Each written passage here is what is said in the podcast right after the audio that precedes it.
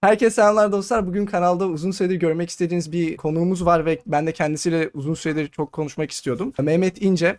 Mehmet İnce bir sürü isimle biliniyor. Kendisi pentester, beyaz şapkalı hacker, ProDraft şirketinin ortak kurucusu, Muay Thai dövüşçüsü ve kimilerine göre internette siber güvenlik öğreten bir hoca. Ex- Exploit Database üzerinden bugüne kadar keşfettiği 139 tane açık var ve küçüklüğünde her ne kadar siyah şapkalı bir hacker olsa da bugün internetin ve insanlığın iyiliği için uğraşıyor. Lafı daha fazla uzatmadan Mehmet Hocam hoş geldin.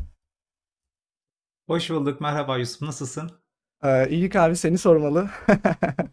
Ben de iyiyim. Teşekkür ederim. Ee, birazcık mübalağalı bir girizgah oldu. O kadar da matah bir şey yok canım. Sadece siber güvenlik sevdalısı dememiz yeterli olur. Podcast'e girmeden önce araştırıyorum. Ben sonuç olarak kanala gelen insanların hayat hikayesini e, araştırmayı zaten kanalı bundan dolayı davet etmek istiyorum. Çok e, eğlenceli oluyor benim için insanların hayat hikayesini dinlemek ve Süper. e, İlk sorum da aslında bununla alakalı biraz. Bazı insanlar hani hayata başladığında ne yapacağını hemen biliyor. Yani çocukken bir şey keşfediyor. Ailesinden dolayı, öğretmeninden dolayı ya da bir deneyiminden dolayı ne yapmak istediğini hemen keşfediyor. Ve ben senin TEDx konuşmalarını falan dinlediğimde de sende de küçüklükten gelen bir istek var aslında. Hani bu siber güvenlik bilgisayar alanında ilgilenme konusuna. Hani sende de mi küçüklükten beri gelen bir şey bu yoksa daha sonradan mı gelişti? Küçüklükten beri geliyorsa tam o deneyimini hatırlıyor musun? Yani bilgisayarları şöyle sevdim hani bir şey yaşadım bundan dolayı sevdim ve siber güvenlikçi olmaya karar verdim falan. Ya çok yani şöyle cevaplayabilirim hani Yusuf e, günümüzdeki birçok özellikle genç arkadaş bu tür planlamaları hayatında yapabiliyor. Şimdiki gençlerin farkındalığı ile benim çocukluğumdaki farkındalık arasında dağlarca fark var. Ben hayatımda hiçbir zaman siber güvenlik uzmanı olacağım gibi bir hevesim ya da kendimi tanıdığım an itibariyle evet ya ben siber güvenlikçiyim dediğim bir durum olmadı. Fark etmeden böyle oldum hayatta bir noktada. O yüzden hani kendi çocukluğuma döndüğüm zaman baktığında ben herhalde ne bileyim ilkokul 1-2. zamanlarından itibaren bir şekilde o en eski tüplü monitörler dahil bilgisayar evde oldu. E, oldukça oyun oynuyorsun. Oyun oynadıkça da işte bir şeyleri sorguluyorsun. Sanırım hani bugün de mesela hayatımızdaki en önemli konulardan biri özellikle kendinizi siber güvenlik alanında geliştireceksiniz. Teknolojinin nasıl çalıştığını sorgulamanız lazım. Bu sorguların cevapları her zaman size güvenlikle alakalı konulara kapılar açacaktır. O zaman da bu aynıydı benim için. Yani bir yerden sonra bir bilgisayar nasıl çalışıyor? İnternet o zaman Türkiye'ye ADSL'in yeni geldiği bakır kablo Hı hı. interneti hala gitmedi. Var hani açıkçası ülkemizde. Hani ya bu nasıl çalışıyor ne bileyim bir CD var CD yazıcılar vardı o zaman işte. CD'nin üzerinde bir veri görüyorsun böyle birazcık halkalı böyle yazdıktan sonra. Bu nasıl tutuyor üzerinde veri? Yani fiziksel bir alet var. Ne bileyim veri dediğin şey metindir abi. Kitapta elinde olur bakarsın o bir veridir okuduğunda da okuyamadığın ve algılayamadığın yuvarlak bir diskin üzerinde bir şey var ve bilgisayara koyunca o onu veri olarak algılıyor. Ya bu nasıl çalışıyor? Benim en temelde kendimi hatırladığım nokta burası. Tüm bunları sorgulamakla geçen bir Hı hı. hobiydi, bir meraktı. Ne bileyim bugün hani eee, bir insanoğlunu doğaya bıraktığında hani sorgular yani merak edersin bir şeyleri ve bu merakını ne kadar çok hani varsa hani bunda bu kadar ilerliyorsun. Bilgisayarlar beni her zaman çok büyüleyen aletler olmuştu. Hani hala daha çok büyüleniyorum dönüp baktığımda. Hani o yüzden Şu an ekrana bir şekle bakıyorum falan. Ya o kadar o noktada artık değilim bir 20 sene olduğu için hani artık öyle bir aşk noktası mı diye bakarsan hani bunları birazcık normalleştirmeyi başardım ama böyle çocukluğu hatırlamaya çalıştıkça da bunu fark ediyorsun. Yani bu nasıl çalışıyor işte yani işletim sistemi nedir? Hani Hı o nasıl çalışıyor vesaire. Siber güvenlik her zaman işin temelinde bu soruları e, sormayı gerektiriyor bence ve ben bu soruları sordukça bir yerden sonra kendimi daha farklı böyle gri alana giren soruların peşinde bulduğumu hatırlıyorum. Ama tekrar etmek lazım. Bugünkü gençlerin farkındalığı çok yüksek ve anlıyorlar ve önlerinde rol modeller de var. Senin bu kanala aldığın bir dünya konuk insanlar var. Ben de onlardan bir tanesi olma şerefine nail oldum bugün. Hani bunları gördükçe mu- muhakeme yeteneğin demeyeyim muhakeme yaklaşımın değişiyor ama benim zamanımda öyle biri yoktu. Ailede de anlayan yok. Çevremde de bilgisayardan anlayan kimse yok. Hani evde zaten internet adam akıllı yok. O yüzden sana ayna tutacak hiçbir şey olmuyor hayatında. Bugün mesela hani nacizane benim çalışmalarımı takip eden insanlar dönüp baktığında bir, bir şekilde sana ayda tutan bir şey olmaya başlıyor. Kendini ve yaptıklarını sorguluyorsun çok fark etmeden. Benim zamanımda yıl 2005 hani ne zaten internet hukuku diye bir şey var, ne siber güvenlik var işin içerisinde ve her şey bana oyun gibi geliyordu gerçekten. Çünkü insanoğlu sonuçlarla yüzleşmediği zaman yaptığı hareketlerin, aksiyonların hepsi kendisine normal gelir. Bir sonuçla yüzleştiğin zaman onun yararlı mı, zararlı mı, doğru ya da yanlış mı hareket olduğunu anlarsın ve ilk şeyde kendine bir zarar verip vermemesidir. Yaptığın hareket senin şahsi çıkarlarına dokunan bir şey olursa mübalağalı bir örnek vermek gerekirse birini niye öldürmüyorsun? Öyle insan öldürmek kötü bir şey. Den ziyade aslında en temelde onun bir sonuçları var yüzleşeceğin hayatta. O sana ilk eğiten şey. Hepimizi bir noktada hizada tutan. O yüzden kendi böyle gri alanlarda bulduğumu hatırlıyorum ama o zamanları hiç öyle algılamıyordum ben yani. Hani işte keyifliydi, internetti. Yani giriyorsun işte astavista.com. Hani orada bir tane birinin fotoğrafı var. Ya oğlum bizim sınıftan Faruk'un fotoğrafını koysak komik olmaz mı diye sorguluyorsun. Hani e, şimdi abi komik olmaz yani Sa- sallıyorum Hürriyet'in ana sayfasına benim resmimi biri koyarlarsa benim elim ayağım oynar şu anda günümüzde. Hani ben koymasam bile elim ayağım oynar. Hani çok mübalağalı bir örnek veriyorum. Sakın yapmayın öyle şeyler de. Hani e, böyle e, bir de bilgisayara olan böyle bir aşkım var işin içerisinde. Yani çok seviyorum. Hani onun üzerinde zaman geçirmeyi işte bir de kendi kendine öğrenmekle geçen bir süreçti. O yüzden hani geçmiş böyle başladı bende bilgisayar. Hiç de gitmedi. Bilmiyorum çok uzun cevap veriyorsam böl beni ama. Yo yo şey e, ben orada şuna dikkat çekmek istiyorum aslında. Şimdi diyorsun ya sorguluyorum falan hani diyelim diskte nasıl Evet. veriyor oluyor ya da ne bileyim e, web sitesi nasıl çalışıyor falan bunları sorguluyorsun ama hani sorgulayabileceğin hayatta bir sürü şey var. Mesela şeyi de sorgulayabilirsin. Elektrik nasıl çalışıyor ne bileyim hani artılar eksiler nasıl Evet. yürüyor ya da ne bileyim ışık ışık nasıl e, benim yüzüme vuruyor falan. Hani özellikle Evet. orada bilgisayarlara ya da ne bileyim veri nasıl depolanıyor, internet nasıl çalışıyor. Özellikle buna ilgi nereden geliyor? Yani hatırlayabiliyorsan tabii belki hatırlayamıyorsundur.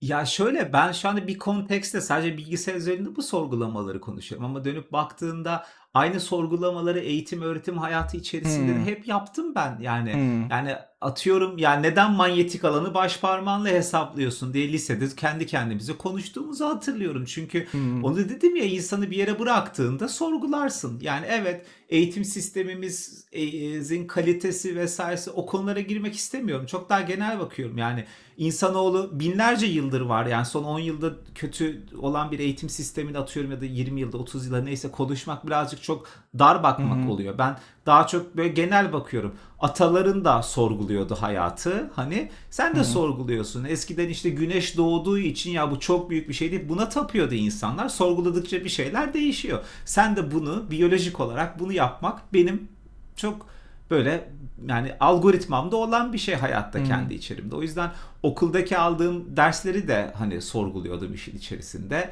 Hani e, o yüzden mesela şeyler falan çok güzel konudur. Hani özellikle trigonometri işte e, ya da geometri ya da matematik ya da fizik dünyasındaki ispatlar çok keyifliydi. Yani neden bu böyle sorusunun cevabının bir ispatı var orada. Hani e, bu bir yaşam tarzıydı benim için aslında. Böyle çok belki nerd bir profil çizmiş olabilirim. Çünkü sadece çocukluğumun bu bilgisayar olan ilgi kısmını konuşuyorum işin içerisinde ama hani bilgi bilgisayarda acayip keyifli bir şey yani oyun oynadığım, oyun oynamayı çok seviyorum. Hı. Hala da oynarım. Hani onun içi, içerisinde yaşadığın konuyu sorguluyorsun. Yani şöyle bir Hı. şey olamaz ne bileyim mesela her gün hamburger yesem çok severim. Abi 20. günden sonra bu hamburger niye lezzetli ya ben de yapabilir miyim hani ya niye böyle diye sorarsın hani ya da sorman gerek anlatabildim mi? O sorular arttıkça da işin içerisine giriyorsun. İşte diyorsun Faruk'un fotoğrafını buraya koysak komik olur ya oğlum nasıl koyarız hani e o zaman internet nasıl çalışıyor web nedir? Öyle bir şey Hani- yaptın mı bu arada? Faruk Faruk'un fotoğrafını herhangi bir yere.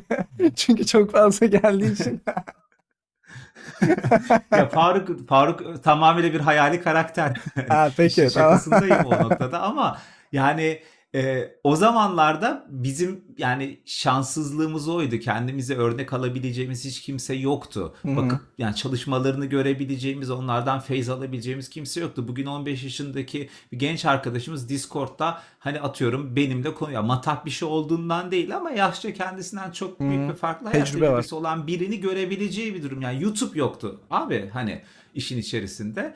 Şimdi şey analojisinde de girmek istemiyorum. Yani bizim yaşımızdakiler YouTube yoktu diyor. Daha büyükleri de işte Commodore 64 vardı siz ne bilirsiniz. Ya ne bilirsiniz değil hikaye. Hayat değişiyor ve değiştikçe bizim geldiğimiz yer hani daha çok veriye erişebileceğin, daha çok tecrübeye erişebileceğin bir dünyada yaşıyorsun. Ya bu mükemmel bir şey. Hani bunun dezavantajları var belki sonra konuşuruz hani ama en azından mükemmel bir şey. Benim gibi okulu kırıp hani internet kafeye gidip işte hani e, Arch Linux'ün kurulumunda evde takıldığın hatayı def- defterinin arkasına not aldığın şeyi girip internet kafede internette araştırıp yabancı dil dahi bilmeden cevapları not alıp eve gelip cebelleşmeye devam ettiğin bir şey yaşamıyorsun hayatında. Hani ben bu şekilde hani bir şeylerin içerisinde bulundum. Hani programlama dili öğrenmek bugün hayatımızda kolay bir konu. Hani benim için şeydi ya bir kodlar var orada atıyorum işte hani yani sallıyorum Eko diyor. Hani sözlükten bakıyordum Eko ne demek? Programı çalıştırıyordum. Ne çıktı veriyor? Ha yansıtıyor. Demek ki işte bu deği, bu değeri ekrana yansıtıyor. Monitör bana yansıtan bir şey falan diye. Çok ilkel bir kendi kendime yaşadığım dünyada hani learning curve tırnak içerisinde hızı inanılmaz e, yani inanılmaz inefektif bir öğrenme hayatından geldim. Ama bana ne kattı hayatımda? Hani liseye geldiğim zaman hani şeyi biliyordum ben. Yani bir yani üniversite tercihlerimi, ÖSS tercihlerini yaparken de 10 tane bilgisayar mühendisliği yazdığımı hatırlıyorum hani. Ama e, ilk senede de kazanamadım. Çünkü ÖSS'ye hazırlanmak yerine tamam mı hani cyber security ve research'lerle ilgilenmek daha keyifli geliyordu bana. Sonra şeyi fark ettim. Abi bu bir engel hayatımda yani hani o yüzden ben bir 10 ay kadar hayatımda en uzun bilgisayardan uzak kaldığım süredir sanırım. 10 ay kadar bilgisayarı kenara koyup üniversite sınavlarına hazırlandım ve Sakarya Üniversitesi bilgisayar mühendisliğini kazandım. Ee, üniversiteye gittiğimde benim için şeydi hani yani bir alaylı taraftan gelme bilgi birikimi vardı ve birçok şeyi daha hızlı kavrayabiliyordum ve o sırada 6-7 yılımı siber güvenlik hobisi üzerine harcayarak geçirdiğim için okulda anlatılan her şeyi siber güvenlik gözünden dinleyebiliyordum. Bugün işte computer science bölümünü okuyan arkadaşlar Hani bu örneği birçok yerde veriyorum. Herkes zaten az çok da biliyordur. Hani atıyorum işte hani biçimsel diller ve otomata dersini aldığında bu hayatta nerede ne işe yarayacak ve bunun siber güvenlikteki etkisi ne olabilir hayal ederek geldiğim için hani hoca kötü olsa da ders ilgimi çekmese de içinde hep bir siber güvenlik aşkını bularak ilerliyordu benim için. O yüzden spesifik olarak şu gün ben siber güvenlikçi olacağım dediğimi hatırlamıyorum ama hani kariyerimi e, üniversite tercihlerinin hepsini bilgisayar mühendisliği yazmamdaki en büyük etken siber güvenliği olan hani tutkumdu. Burada belki bir anti parantez şeyden bahsetmekte fayda var Yusuf.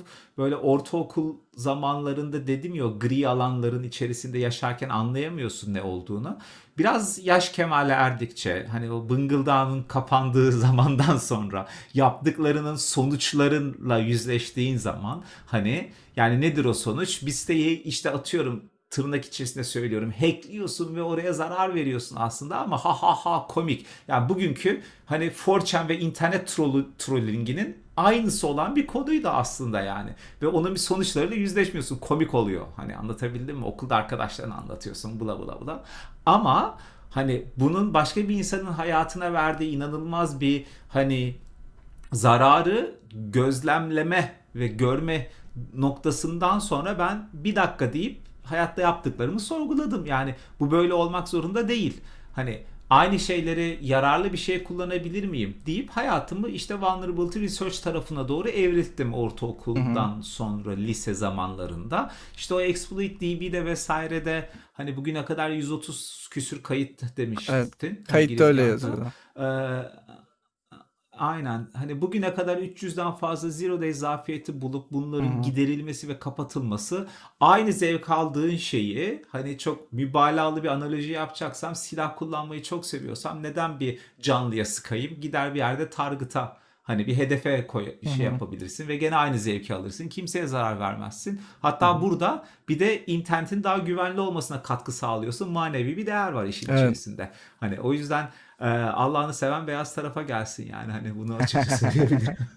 o beyaz tarafla ilgili de sorun var ama ben hani tam bu arada Tabii. siber güvenlik hakkında konuşacağız. Ee, başka Muay Thai hakkında konuşacağız. Başka sorularım var ama ben tamam. birazcık daha madem tamam. geçmişe indik. Şöyle bir soru da sormak istiyorum. Şimdi TEDx konuşmasında da buradan da hani az önce söylediklerinden anlayacağımız üzere hani bilgisayardan kopamadığını söylüyorsun. Hatta TEDx konuşmanda şey diyorsun. Evet bir oyun kısmı da var. Ee, Middle Tower is under Evet. attack falan rüyada. Aynen. Evet, o- Dota, Dota'ya ömrümüzü verdik maalesef bir daha. Evet. Ya şimdi ben de bu arada bilgisayarlarla küçüklükten beri çok ilgili bir insanım ama benim siber güvenliğe kaymadı. Başka noktalara kaydı. Ee, ama şunu biliyorum. Mesela bence hayatta bir konuda çok iyi olduğun zaman başka diğer konulardan feragat etmiş oluyorsun. Başka diğer yeteneklerin. Çünkü hayatta her şeyde uzman olamazsın. Hani diğer konularda iyi olabilmen için ona mesai harcaman gerekiyor. Mesela bende en büyük etkilerinden birisi ben biraz içime kapanık oldum bu yüzden. Mesela insanlarla sosyalleşirken sorunlar yaşadım. Sırf hani bilgisayarla çok ilgilendiğim için. Ve e, bunun için ilerleyen yıllarımda hani gidip dışarıda ekstra mesai harcamak zorunda kaldım. Hani sende de bu genel bir Hı hı. problem. Genelde hani internette bilgisayarla çok e, vakit harcayanların. Sende de böyle bir problem oldu mu? Çünkü şu an aşmışsın hani belli ki sosyalsin internette hani işte Muay Thai yapıyorsun ya da bisiklet fotoğraflarını falan gördüm. Muhtemelen çok daha fazlası vardır benim de görmediğim. Nasıl aştın? Böyle bir problem oldu mu yoksa önceden de mi sosyaldin? Ya ben hiçbir zaman böyle bir sorun yaşamadım Yusuf hayatımda. Hmm. Bunu bir sorun olarak dahi hayatımda yani böyle bir sorun var hayatta diye bir soru işaretinin farkındalığı çok sonraları geldi bana hayatımda. Hmm.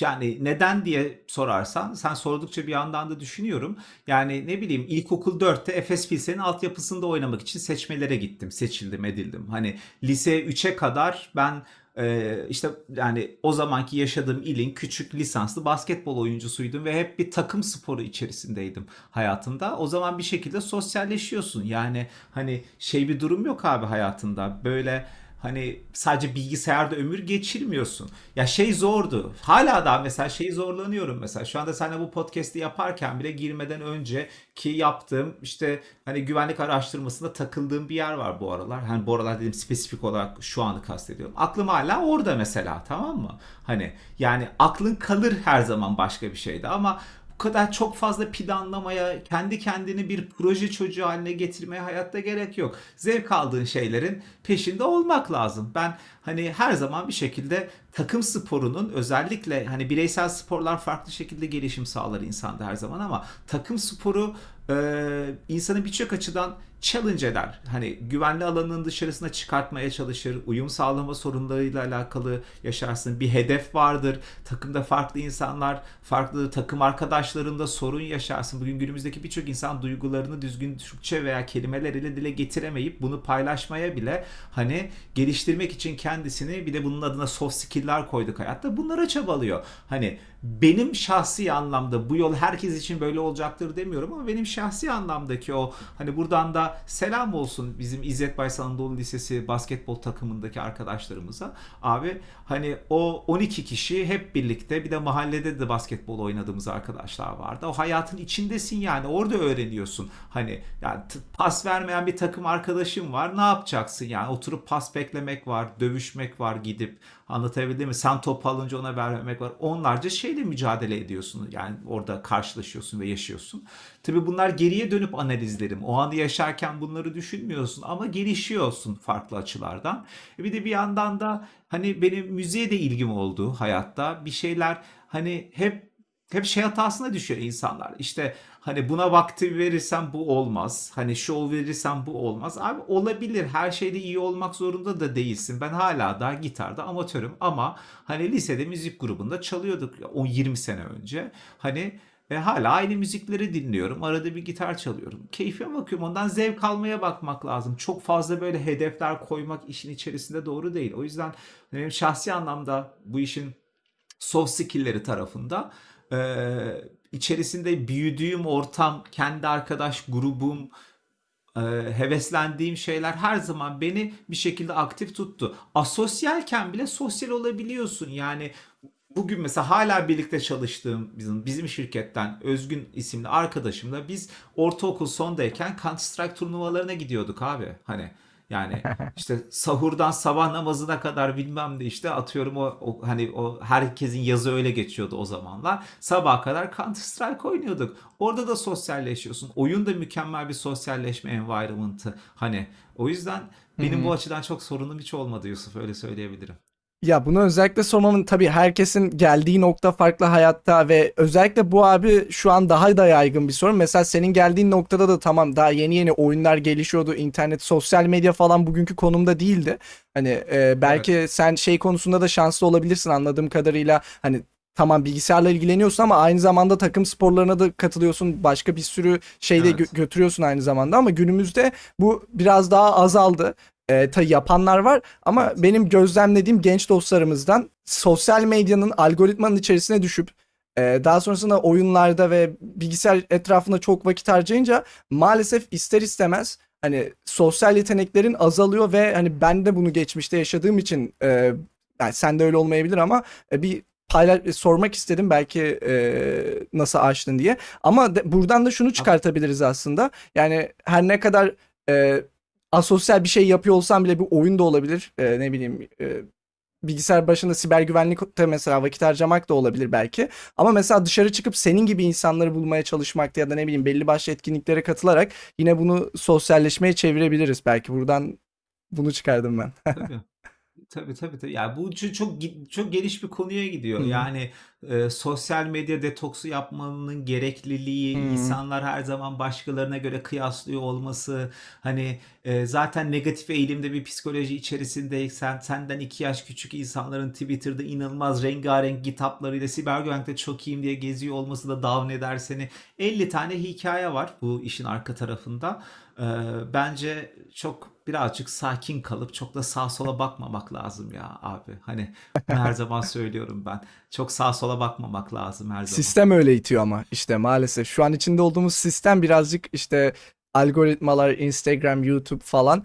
E, mesela şöyle bir şey var abi hani sen Evet. diyorsun ya e, her şeyde iyi olmak zorunda değilsin diye. Ben de katılıyorum abi. Mesela ben de koronada e, klavye çalmaya başladım. E, ve yani ben de bence amatörüm ama şarkı çalıp söylerken eğleniyorum. Ve ben bunda muhtemelen hayatım boyunca hiçbir zaman profesyonel olamayacağım.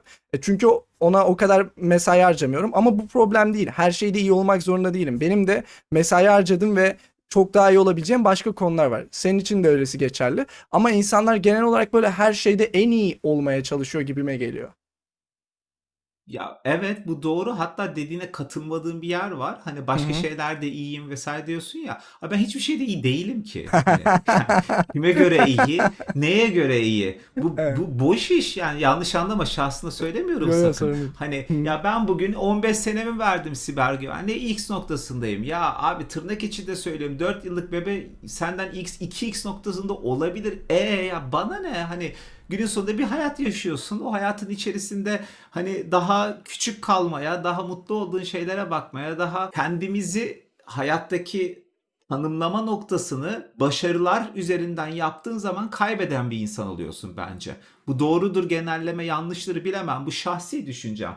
Benim hayattaki hani bir Mehmet Dursun İnci diye bir canlı var. Sevdiğim şeyler var. Mevcutta problemlerim var hayatta. Yapmak istediğim hedeflerim, ülkülerim, heveslerim var ama hani kendi mutluluğumu ya da işte mental anlamdaki hayatta ben ne yapıyorum, neyim, var mıyımın cevabı başardıklarım değil. Boynuma astığım madalyalarım ya da omzumdaki apoletlerim de değil. Hani en büyük yanlışlık burada. Evet, evet bundan zevk alıyorum. Hani klavye hobisinde çalıyorum ama başka şeylerde iyi olabilirim. Hani Olma abi, olmaya da bilirsin ki bir şeyde çok iyi olmak zorunda değil insanlar. Yani bu bu cümle tabii herkes için geçerli olan bir nokta değil. Sen tabii var mısın Mehmet bir yere hayatta? Hani oturduğun yerden güvenli konuşuyorsun da Hani bu cümle mesela böyle bir eleştiri bu söylediklerime çok doğru olabilir ilk bakışta ama bir o kadar da yanlış. Hani çünkü ben şu anda buradaki anlattıklarım kadarından ibaret bir yerde değilim ki. Hani benim de yaşadığım deli gibi imposter sendromlarım var. Bu bir hayatın bir parçası. Hani hayatın içinde var olan bir şey var. O yüzden hani diyorum ya hep birazcık sakin kalıp dediğim gibi kendimizi ve öz insanın değerini hani e, kaç tane komitin olduğuna, 300 tane mi zero day'in olduğuna, Twitter'da kaç takipçine ya da maaş bodrona bağlamaman gerekiyor hayatta bence. Abi o şey bu arada iyiden kastım olayım. yok senin dediğine katılıyorum. Şahsına demedim ya. Senin Yo, yo, yo, cümlene yo, a- avantajımı anladım. alıp üzerinden örneklem yaptım sadece. Yo yo onu anladım abi. Ben sadece şunu söyleyeceğim. Bence e, iyinin anlamı hani ortalamadan bir konuda iyi olmak. Mesela şöyle düşün. Ya bu da abi şöyle gerekli. Ben hayatımda ben liseden mezun olduğumda ben de bir, bir sene mezuna kaldım abi. Ve o sıra depresyona girdim. Hani ilk 3 ay sorun yok. ilk 3 ay normal yaz tatili. Ama ondan sonra hani bu kadar yalnız kalmak beni e, depresif yaptı öyle söyleyeyim. Ve o noktada bir ara ben yataktan çıkmıyordum.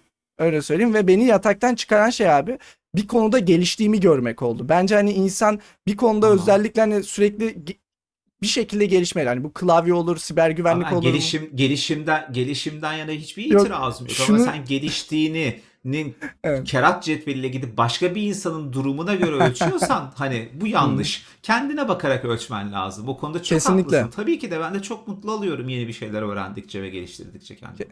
Kesinlikle. Hani işte oradaki olay belki sen mesela siber güvenlik yaparak ekmeğini kazanıyor olabilirsin. Hani ortalamadan bir konuda iyi olunca o konu senin hani tırnak içinde uzmanlık alanın oluyor ama dediğinde haklısın abi senden her zaman çok daha iyisi oluyor. Sen sadece hani o noktada ne derler ekmeğini çıkaran birisi olarak e, ortalamadan iyi olmuş oluyorsun diyelim. E, ilginç bir Okey. ilginç ilginç bir konuşma oldu abi. Ay, ayrı Evet. fikirlerde olmak zorunda değiliz. Tabii can canım. dostum Tabii, falan. tabii. Dediğim gibi ben ortalamayla ilgilenmiyorum hayatta. Yani hani benim ortalamam benim dünüm.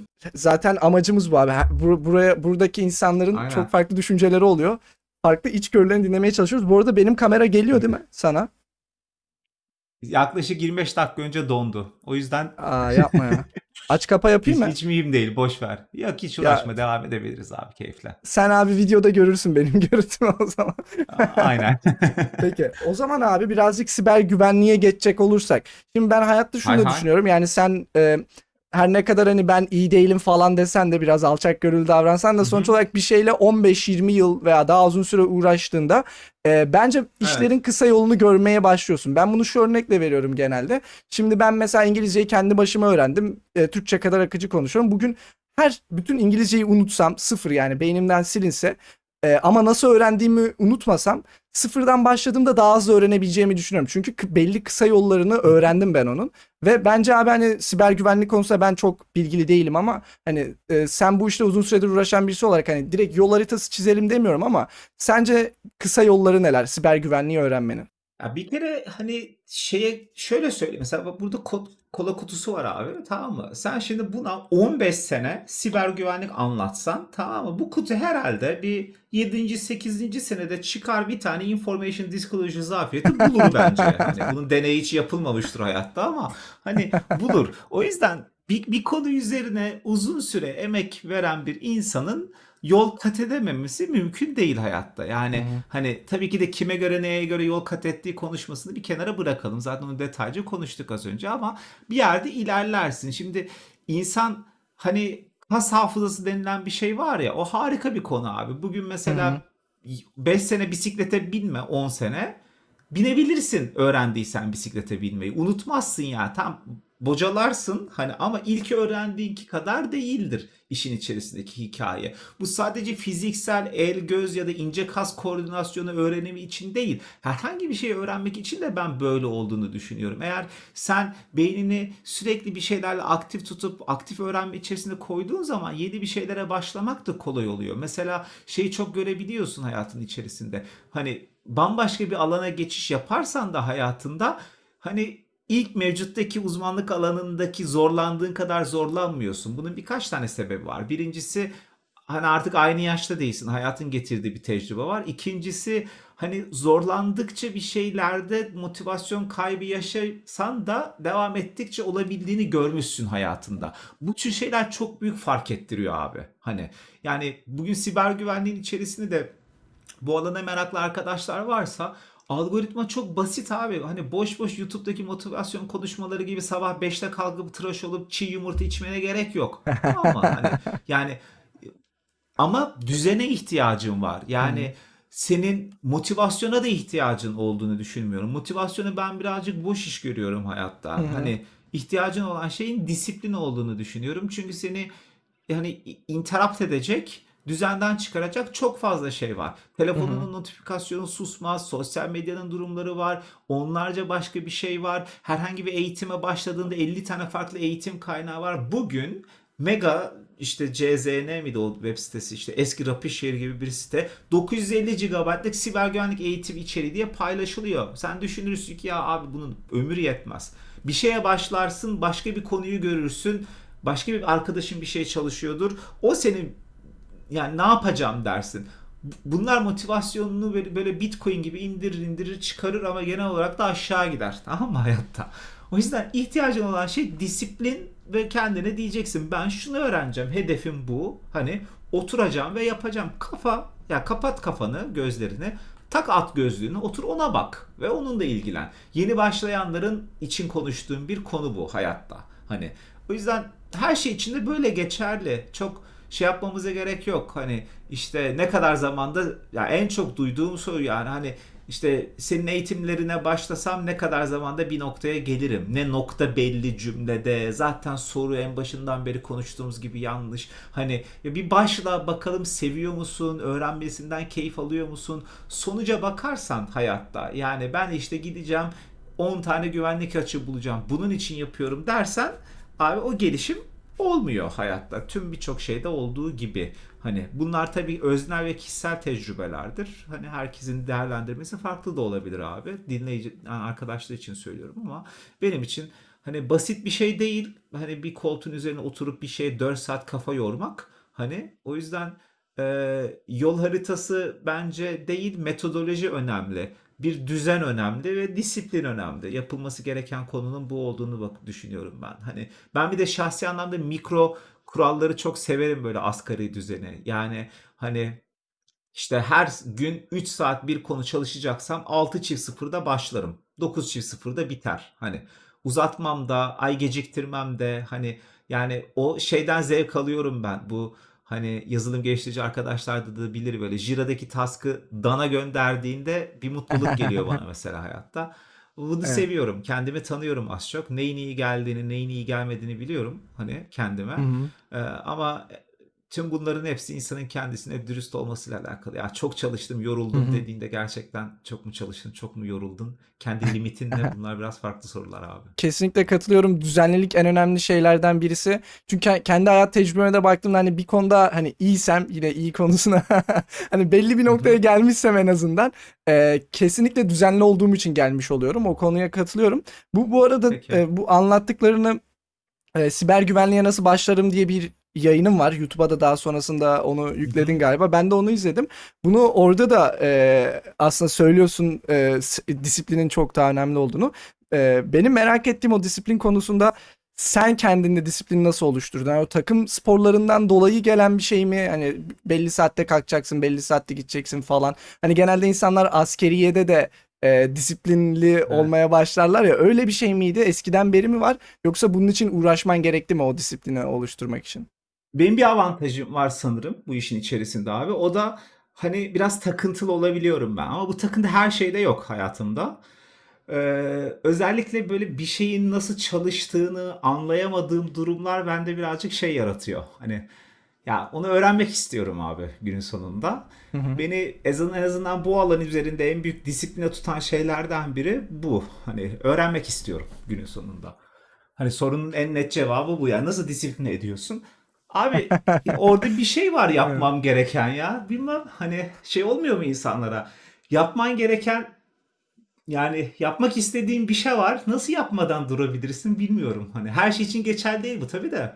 Abi sen tutkudan bahsediyorsun gibime geliyor biraz. Mesela tutku olduğunda motivasyona da ihtiyacın olmuyor. Sırf onu tamamlamak için zaten kendinden vererek gerek- gerekirse uykusuz kalarak gerekirse aç kalarak hani bazen yeme içmeyi unutup e, ge- gerekirse o hani şeyi görevi tamamlama ihtiyacı hissediyorsun. Ama şimdi Evet. insanlarda genelde şöyle oluyor galiba mesela hani siber güvenlik e, yazılım ne bileyim şunu öğrensem mi öğrenmesem mi iyi para var şöyle böyle hani genelde insanlar kendi tutkusunu bulamıyor. O da okey Yusuf. Hani yani 7 milyar insan var. Herkes tutkusunu yapamaz matematiksel olarak dağılıma ve olasılığa Hı. baktığın zaman hayatta. Her insan her şeyi tutkuyla yapmak zorunda da değil hayatta. Ben bunu anlayabiliyorum. Hani hayatta mesle mesleğimin içerisinde çok seviyorum da her gün yaptığım her şeyi büyük tutkuyla mı yapıyorum? Ya sövmediğim iş yoktur belki de son zamanlarda açıkçası. Hani ya bu demek değil ki hepimiz tutkumuzu bulalım. O kadar polyane bir hayat yaşamıyoruz yani. Ben buna bu konuda açıkçası dediğine katılıyorum.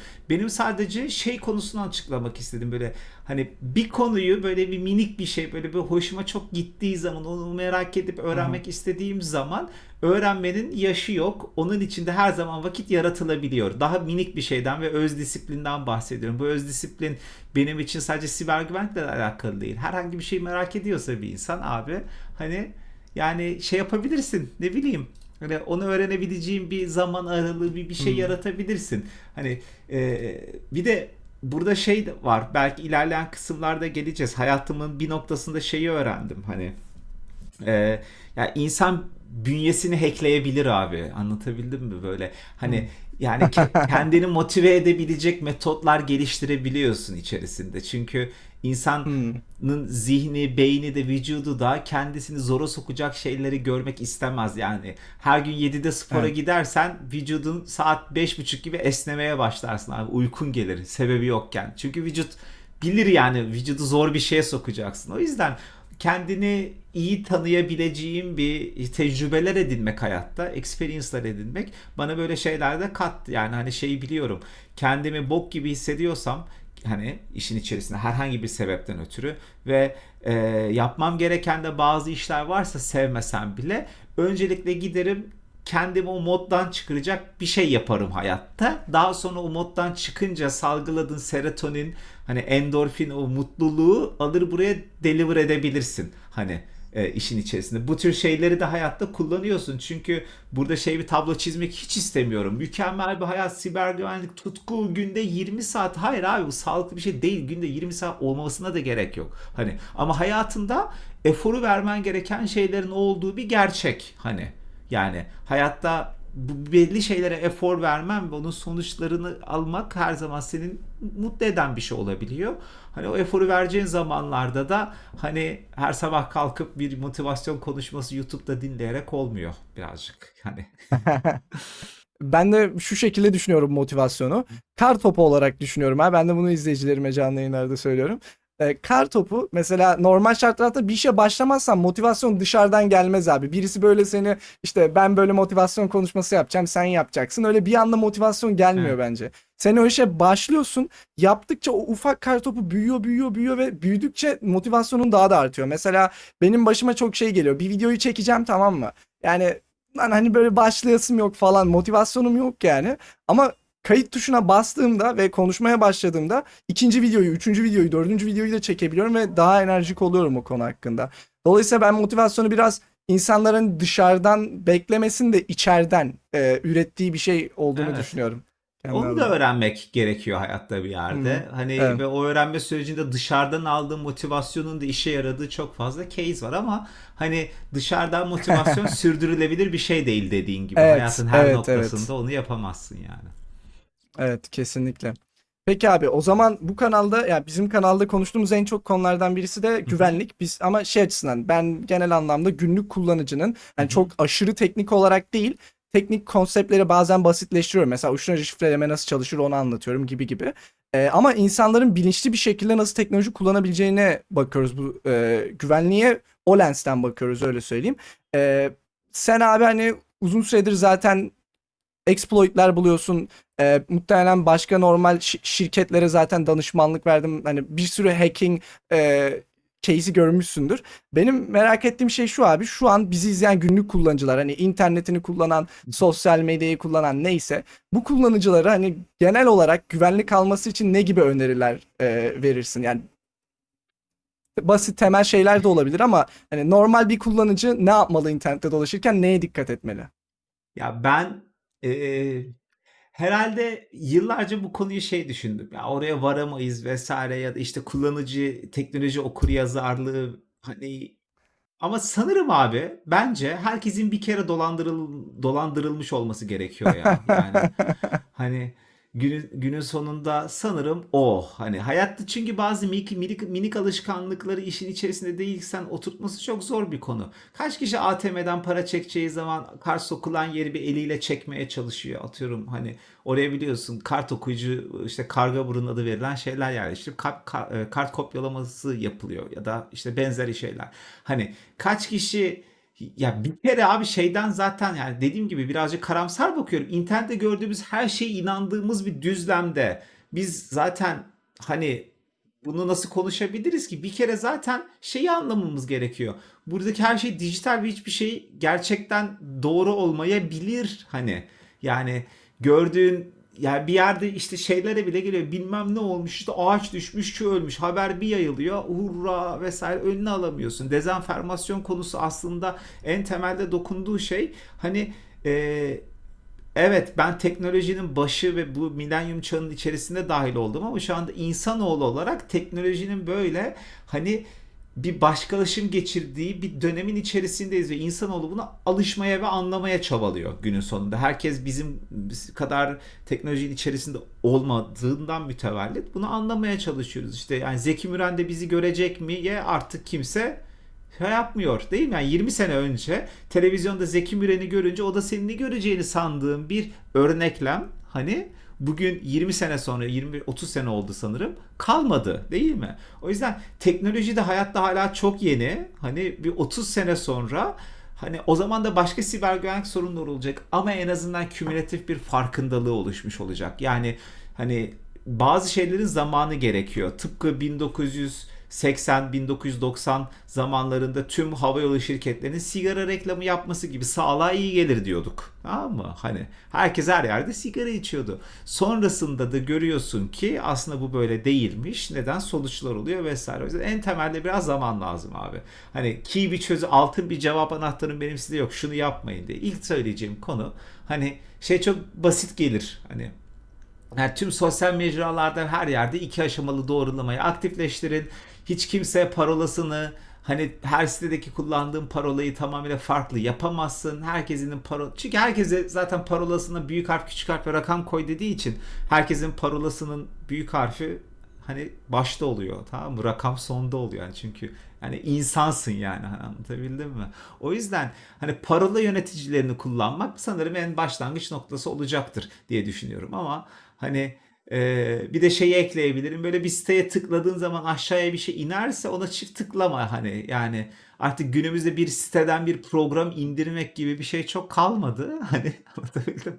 Gidip böyle hani bedava maç yayını izleyeceğim diye flash update'ler falan kurmamak gerekiyor. O yüzden de şey hani dediğim gibi birazcık şüpheci olmakta fayda var Yusuf. Bence de en önemli olan şeylerden birisi şifre yöneticisi. Hatta benim bu arada çok teknolojiden anlamayan arkadaşlarıma bile ben şifre yöneticisini önerdiğimde hani biraz zorlayıp kullandırdığımda e, dua ediyorlar abi bana her gün. Çünkü birazcık yani kafayı da boşaltan bir şey abi. Farklı yerlere farklı şifreler de koymaya çalışınca beynin çok yoruluyor. Ama şifre Evet. yöneticisi her yere ayrı şifre falan koyuyor. O güzel bir şey.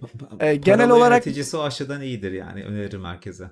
Evet, evet. Genel olarak abi şeyde çok katılıyorum. Yani e, bu zamanla gelişecek bir şey. Hani bir anda Evet. e, her nasıl her konuda bilinçli olamadıysak bu da zamanla gelişecek bir şey. Biz de elimizden dilimiz döndüğünce elimizden gelince anlatıyoruz. Bu arada masa masada sigara var. Sigara örneği verdin. Sigara kullanmıyordun herhalde. Tekrar mı başladın? Dediğim gibi insan kendisine çok sıkı kurallar koymamalı hayatta ya. Tekrar başladım dedi. Arada duruyor. Arkadaşlar geliyor, içiyor. Dediğim gibi. Peki. Hani evde tuttuğun her şey kullandığı şey demek değildir ya hayatta. Mesela benim Orada Mesela- olması bana yetiyor. mesela atlama ipim var 6 aydır atlamıyorum hani anlatabildim mi? Ha, Öyle bir peki. konu durabilir yani. Güzel abi. Keşke bütün sigara içenler senin gibi düşünse de. Çünkü orada duruyorsa 10 Ya. dakikada bir içer falan. Ya o baş bambaşka bir konu abi bir hayatta dediğim gibi iyi sigara içmek sigara ya böyle yeşil aycılığa sürü- hani bir şeye gerek yok hayatımda hani hepimiz sağlıklı şeyler yapmıyoruz hani her açıdan bakarsan Evet. sigara bunlardan hani bir tanesi Ee, Hı hı. insan da birazcık böyle bir canlı diyebilirim özetle Yusuf. Yok abi ben yargılamak için söylemedim zaten. Yok, Bizim ailedeki demedim. herkes içiyor mesela. Sana demedim. Abi bu arada bir goy goy sorusu soracağım. Bunu aslında sana Tabii. Twitter'dan da yazmıştım ama ben bunu canlı olarak sormazsam e, One Piece izleyicileri bana kızar. Dolayısıyla abi One Piece'te bir böyle aile var. Ee, o ailenin soyundan gelenlere D eki konuyor. İşte Monkey, Monkey D. Luffy falan diye böyle isimler var. Senin de acaba hani One Piece hayranı mısın? Mehmet D. İnce YouTube'daki kanal adı Ya, alakası var mı yok mu? hiç alakası yok. İkinci adım Dursun benim. Her yerde de yazıyor Mehmet Dursun İnce diye. Hani eee, Twitter'da öyle falan yok abi. Instagram'da da yok. YouTube'da görünce dedim acaba YouTube'a öyle bir soru geldi koymadım. aklıma. YouTube hesabını açtığımda gelen bir konu. Sonra YouTube'a videoları yükleyeceğim zaman YouTube'a girdim. Baktım upload butonu vardı. Hala da öyle. Upload butonuna basıyorum. Videoyu yüklüyorum yani hani. Hmm. O account'u bulup değiştirmek, onun adını ne yapmak lazım inan bir fikrim yok. O yüzden belki değiştirmekte fayda var. İyi hatırlattın ama hiç alakası yok aslında. Hani Peki. Peki abi bu soruyu sormam lazım. Tekrar ciddi konulara dönecek olursak. Yo, Ee, sıkıntı şey- yok. Güzel soru. Bir hacker olarak şeyleri bulduğun zaman, exploitleri bulduğun zaman hani ne kadar veri çıkarabildiğini de görüyorsun. Veri tabanlarından ya da işte geçmişte e, başka danışmanlık verdiğin şirketlerde belki e, işte ne tarz verilerin gidebildiğini görüyorsun. Bu bazen müşteri verileri oluyor. E, ne bileyim e, ya da şirketin önemli verileri, kendi verileri falan da olabiliyor.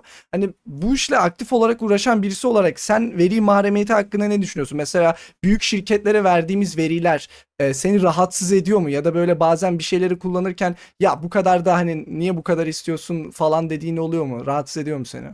Beni etmiyor bu konu. Çünkü ben bu kişisel bir konu aslına bakarsan. Yani eee, her siber güvenlik şimdi şeyden başlamak lazım. Siber güvenlik ile gizlilik iki farklı konudur abi. Tamam mı? Siber güvenlik ile gizliliğin bir alakası aslında çok fazla yok. Birisi privacy konusu. Yani birisi üzerini değiştirirken camı açık bir yerde değiştirmezsin. Hani çünkü mahrem gördüğün ve düşündüğün yerlerinin hani namahrem gördüğün başka canlı tarafından görülmesini istemeyen bir içgüdün olduğundan kaynaklanıyor.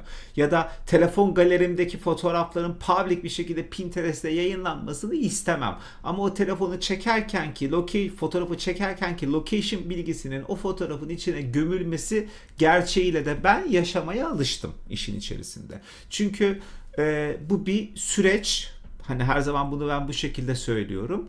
Ee, kurumlara veya şirketlere verdiğimiz hani bilgilere herkes öznel açıdan bakıyor. Bence buradaki en büyük sıkıntı toplumsal açıdan bu kümülatif bilgilerin tamamına sahip olan firmaların vardığı güç ve pozisyonla alakalı. İşte hani e, British Analytica örneğinde gördüğümüz gibi ya da bugün işte hani Twitter'da ya da sosyal medyaların işte hani AI algoritmalarının insan psikolojilerinin etkileri gibi hani aslında giant tech firmalarının vardığı e, güç sıkıntı. Şahsi anlamda benim verime sahip olması değil. Bunun önüne hani boykotla geçemeyiz. Bunun önüne wipelanmış Android telefon kullanarak geçemeyiz. Bunun için legislation'lara, government'ların görev yapmasına, bununla alakalı NGO'ların kurulmasına ve private endüstrinin bu açıdan e, düzenlenmesine ve e, bir şekilde hizaya gelmesine ihtiyaç var. Bu da zaten hani e, bu da daha köklü ve eski bir sorun. Hani kapitalizm rüzgarıyla yaşayan bir 200 yıllık hayatımız var dünyada. Bunun etkilerinden birini görüyoruz.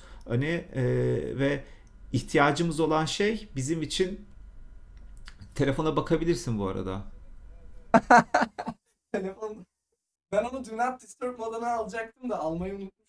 Aynen. Babası arıyor Yusuf'u arkadaşlar. Evet. Bağlayalım. Soralım parolası neymiş Peder Bey'e. Sıkıntı yok. Şeyi söylüyordum. Yani dediğim gibi gizlilik konusu e, özel sektörün ve hani büyük firmaların temelde devlet ya da organizasyon ya da işte European Union gibi e, koalis şeyler tarafından hı.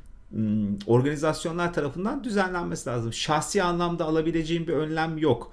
Hani teknik anlamda da inanmıyorum ki çevremdeki herkes herhangi biri benim telefon numaramı te- işte rehberine Mehmet Dursun İnce diye kaydedip hani cloud'a sync yaptığı zaman Apple benim cep telefon numaramı biliyor. Ya ba- bazı şeyler the end hayatta. Çok önlem alınabilecek bir noktaya gelmemiş. O yüzden şahsi anlamdaki bu açıda fight'ı birebir de vermek değil de hani e, bunların daha çok bir takım e, organizasyonlar tarafından tabi organizasyonlarda da görev almak gönüllü bir şeydir bence neden olmasın yani hani bu tür şeyler yapılabilir.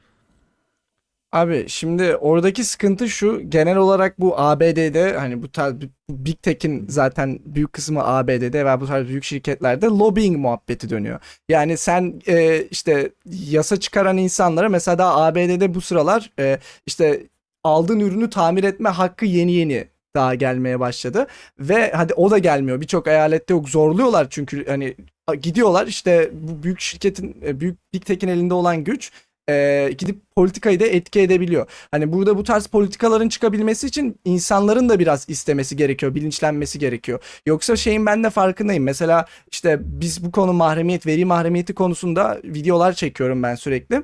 Ve işte sürekli yeni gelenlerin özellikle kanalı yeni keşfedenler diyor ki abi benim bilgimi alsa ne olacak? Hani ne oğlum benim bilgimi alsan olacak bana ne falan diyor. Ben de abi onun farkındayım. Yani bireysel olarak Yusuf İpek'in bilgisini alması zaten onun için de değerli değil. Onun için değerli olan 100 kişi, 1000 kişi, 1 milyon kişi, 10 milyon kişinin verisini alınca zaten o Evet. şekilde değerli olmaya başlıyor. Ee, ama işte bir defa bir, bir bireyden başlayarak bilinçlenmemiz gerekiyor ki hani en azından şöyle düşünmek lazım abi. Hani araba kullanıyorsan arabayı nasıl güvenli kullanacağını anlaman lazım ya da onun ona hakim olman lazım. Ben insanlar şeyi kullanmasını demiyorum bu arada. Instagram kullanmayın, TikTok hiçbir şey kullanmayın demiyorum. Ama mesela verdiğin verinin, paylaştığın verinin bilincinde olmak çok daha başka bir şey. Ve sen bunu yaptığında aslında ne derler e, ya- yasalara daha etki yasalara daha fazla etki olabiliyorsun bence. Ve zaten bu Avrupa Birliği'nde işte GDPR'la birlikte yavaş yavaş gelişmeye başlıyor. ABD'de yavaş yavaş gelişmeye başlıyor. Bu lobbying e, çok büyük sıkıntı yani özellikle ABD kısmında. Abi lobicilik insanoğlunun tarihinden beri var. Yani herhangi bir yerde seçim varsa lobicilik olur ya. Bu yeni bir konu değil hayatta. Hani buradaki en, en temel hikayelerden biri e, bu verileri sadece büyük firmalar da değil. Buradaki sıkıntılardan biri küçük firmalar da bir dünya veri topluyor. Hani ya ben neden kargocuya cep telefonu numaramı veriyorum? Yani neden ben kargocuya TC kimlik numaramı veriyorum?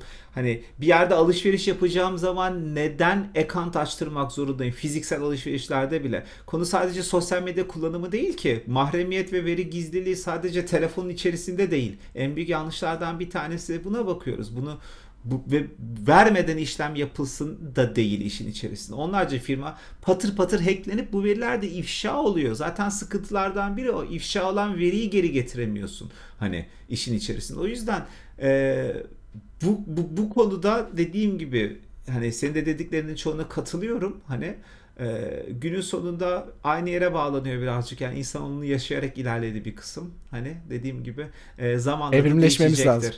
E tabi bundan daha 15 sene öncesinde bilişim hukuku diye bir konu yoktu yani hani çok da dediğim gibi aceleci Hmm. davranmamak lazım beklentilerde. Evet. Evet evet. Benim yapmaya çalıştığım şey abi, bizim kanalın ana sloganı bilinçli teknoloji tüketicileri. Yani hani tabii ki ben bir anda her şeyin bütün yasaların değişmesini beklemiyorum ama zaten her şey ufak ufak başlar. Hani damlaya damlaya göl olur. Neyse abi ben şeyi de geçmek istiyorum. Bir yandan bu, bu soruyu çok merak ediyorum çünkü. Ee, bizim kanalda yine Linux konusunu çok konuşuyoruz. Hani Linux dağıtım incelemeleri var. Ee, kanalın büyük bir kısmı da yine Linux kullanıyor. Bunu izleyenler de muhtemelen Linux kullanıcıları olacak. Bu soruyu onlar adına da soruyorum yani. Linux kısmında zaten açıklar bulmuşsun daha önceden. Ben o exploit database kısmında gördüm.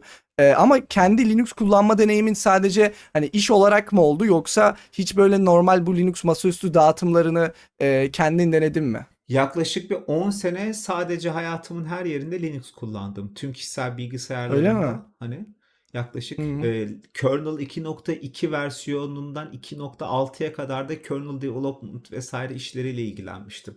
Tabii bu yıllar öncesi bu kernel tarafındaki ilgilendiğim kısım ama e, hayatımın uzun bir dönemi tamamıyla Linux kullanarak geçti. Hem desktop'ta Hani zaten e, sunucu dünyasındaki tek adres olduğunu da düşünüyorum. Hani ve yıllardır da öyle. Bizim firmadaki de tüm sunucuların hepsi Linux ve o bir politika açıkçası. Ee, belli bir yerden sonra da hayatta daha böyle farklı şeyler ya bir şeyin körü körüne tutkus, tutkunu olmamak gerekiyor. Siber güvenlik alanında çalışıyorsan hani yani bugün mesela senle bu kaydı yaparken desktop'ta Windows var ve burada işte VSL 2 setup'larını kullanıyorum hayatımda. Abi çünkü lazım oluyor böyle şeyler hayatta. Yani bir siber güvenlikle alakalı bir danışmanlıkta bir toplantıda bir yerde geliyor. O bilgiyi de bilmen gerekiyor. Ya ben ya da bilmekten keyif alıyorum. Bilmenin en güzel yöntemi de kullanmak. O yüzden evde şu anda Linux olan laptop kalmadı sanırım da işte Mac'ler var, işte Windows makine var. Burada evde desktop olarak kullandığım hani e, bir 10 sene hardcore Linux dünyasında yaşadıktan sonra daha farklı şeyler de hayatta karşıma geldikçe kullandım. O yüzden hani e, günümüzdeki desktop'ta Linux kullanma ya da laptop fark etmeksizin Linux kullanmak son derece keyifli daha kolay bir geçmişe göre kıyaslarsak. Evet, evet. Muhtemelen sen bana kıyasla yani ben Linux dünyasına giriş yaptığımda zaten birçok şey pişmişti yani hani e, birçok şey çalışıyordu ama ben e, şeyi biliyorum yani hikayeleri dinlediğimde ben de bu arada yaklaşık e, 4-5 yıldır sadece Linux kullanıyorum. E, ama geçmişteki hikayelerin işte driver sorunları, onu tanımama sorunu, bunu tanımama sorunu bir sürü e, şey dinledim. E, ama şu an yani böyle yakın zamanda tekrar böyle bir istek geliyor mu o zaman böyle Linux geçsem mi, bir yapsam mı bilgisayarı falan. Gelmiyor ki günlük hayatımda hep Linux kullanıyorum ben zaten. Hani yani ana işletim sisteminin Hmm. Linux olmasına gerek yok. Hani yani driver sorunları değil de o işte kernel modülleri sorunları. Hani e, hardware'ı gerekli modülleri bulamıyorsun işte eklemen gerekiyor falan filan.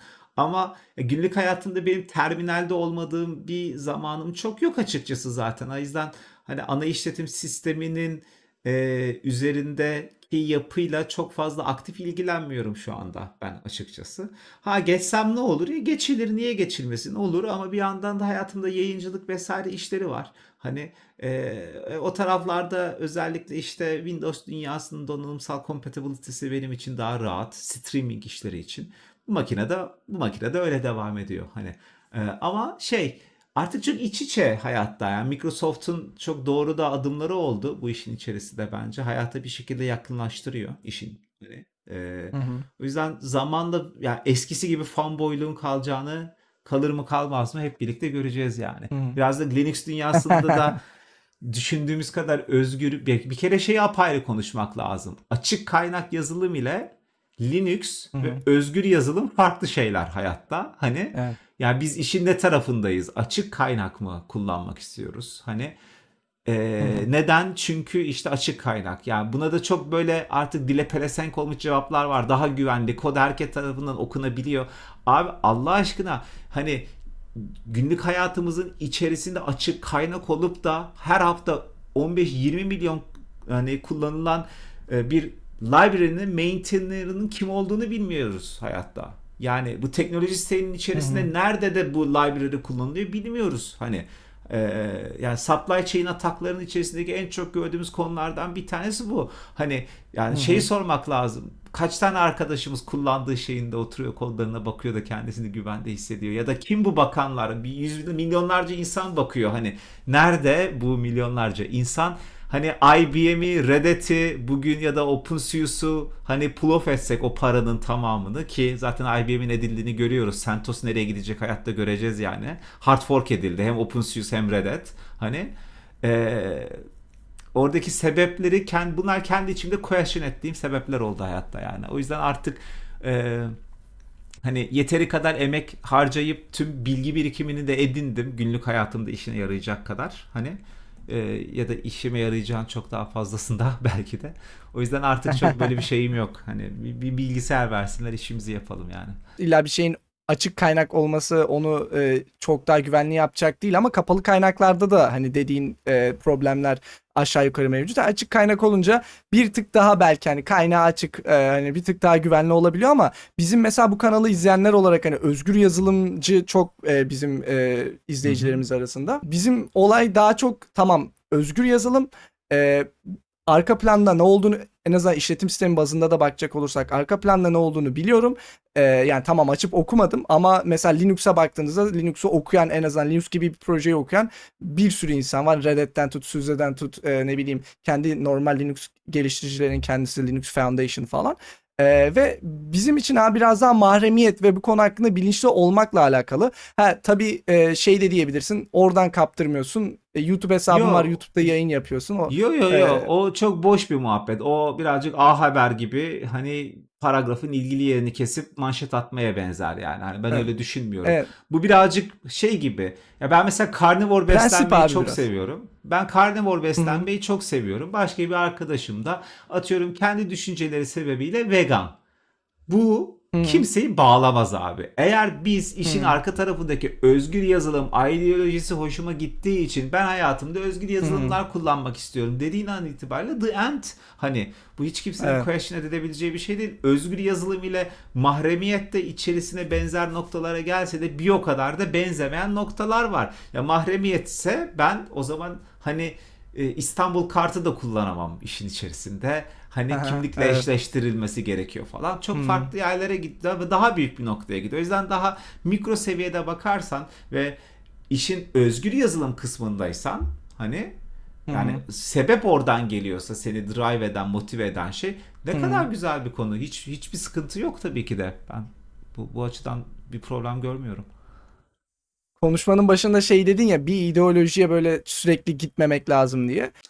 İdeoloji dediysem yanlış kelime seçmişim. Bir sisteme herhangi bir şeyin fanboyu olmamak lazım. Hiçbir sıkıntı Belki de yok ideoloji dememişsindir. Ben yanlış hatırlıyorumdur da. Ben abi şeye katılıyorum yani sistem olur, ideoloji olur ya da herhangi bir şey olur. Hani sırf hayata sadece o çerçeveden bakıp körü körüne Evet. bence gitmemek lazım. O dediğine katılıyorum. Hani şey var ama mesela ben bu kanala ilk başladığımda özgür yazılımı ilk keşfettiğimde bana çok büyüleyici gelmişti ve ben demiştim ki abi ben hani özgür yazılım dışında hiçbir şey kullanmayacağım demiştim ilk başladığım yıllarda ve zor Oluyor oluyor, biraz ama başta. bu arada oluyor. Ama zor oluyor. Mesela şu an daha çok şey düşünüyorum. Diyorum ki mesela ben bir yazılım tercih etmek istiyorsam hayat prensiplerimden dolayı ilk başta bakarım özgür yazılım versiyonu var mı? Varsa kullanırım. Çok sevdiysem bağış yaparım bilmem ne.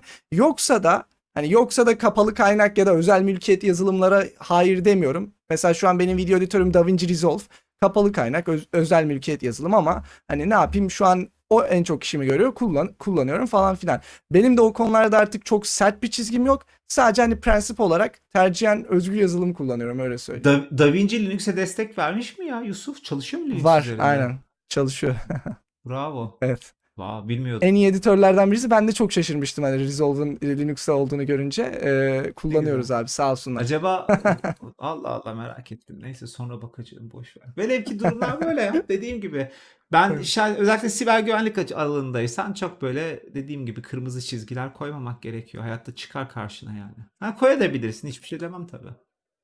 Genel olarak da öyle abi bence. Hani mesela sırf bir ideolojiye bağlı kalmak hayatta seni genel anlamda kısıtlar. Hani bu illa bilgisayarlar için değil.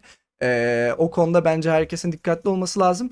Peki abi şey sormak istiyorum. Bu e, az önce de aslında bir yerde buna benzer bir şey söylemiştin galiba. Tam net hatırlamıyorum ama bu TEDx konuşmalarından iki TEDx konuşması var bu arada Mehmet abinin. Hani bir enter'a bastın uyuyabilirsin. Diğerinin başlığını unuttum. Ben de bilmiyorum. Hiç fikrim yok ya. o konuşmaların birisine şey diyorsun hani açık bulup bildirdiğin zaman 10 Evet. üzerinden 8'inde dava ediliyorsun. Bu konu hala böyle mi? İlk sorumdu. İkincisi hani bu orta ve büyük şirketlerde genelde bounty programları oluyor. Sen bildirdiğinde hatta belli başlı paralar kazanıyorsun falan. Bu sorun şu anda yaşanıyorsa eğer ki hani genelde küçük şirketlerde mi yaşanıyor ve hani neden böyle yaklaşıyorlar? Yani sen sonuç olarak adamlara bir iyilik yapıyorsun. Neden seni dava etmeye çalışıyorlar? Ya birinin sana gelip negatif bir yanını yüzüne söylemesi ve bir de bunun duyulup kötü bir marketinge sebep olmasını kimse istemez. En yakın sebeplerden bir tanesi bu. Eskiden özellikle bu işte hani responsible disclosure adı verilen e, güvenlik zafiyeti bildirme programları bunlardan kastım bug bounty platformları değildir. Vulnerable disclosure programları ile bug bounty platformları ayrı konular. Hani biri işin tamamıyla ticari boyutları. Kurumlar da kendileri vulnerability disclosure policy'leri yayınlamaya başladılar. Hatta devletlerin de tüm firmaların böyle programlarının olması zorunluluğu gibi şeyler getirecekler. 3-5 vakte gelecek Hı hı. bu. Halihazırda zaten Security TXT diye bir proje var. Bu açıdan ilerliyor Evet. ediyor.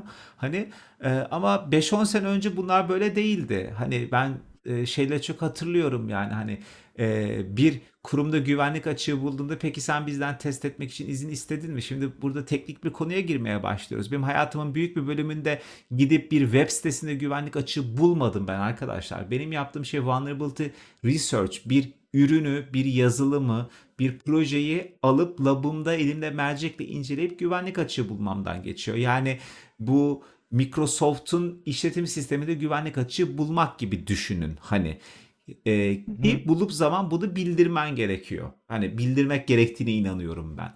E, e, iş böyle olduğu zaman da Eee, hani kurumlar e sen kimden izin aldığında bizim ürünümüzün üzerinde bunu yapabiliyorsun. Yani tıpkı dedin ya daha işte Amerika'da hani aldığın donanımların teknik servisini yapabilme hakkın bile yeni gelen bir konu. Aslında Hmm. konu birazcık hani en temel sorunlardan biri buydu. Yoksa şeye ben de katılıyorum. Kimse izin vermediyse gidip Product.com'da güvenlik açığı arama hakkın soru işareti. Bu hak firmada gizlidir yani. Hani bu şeye benziyor abi konu. Bak aradaki analojiyi şöyle yapalım. Senin evin var diyelim tamam işin içerisinde. Hani e, ya da e- senin kafeteryan var. İnsanlar geliyor kahve içiyorlar ve çıkıyorlar. Sen bu kafeteryaya hani e, rezervasyon yapmadan izinsizce girip kimin neler yediğini kasadan fişini alabileceğin bir metot buldun.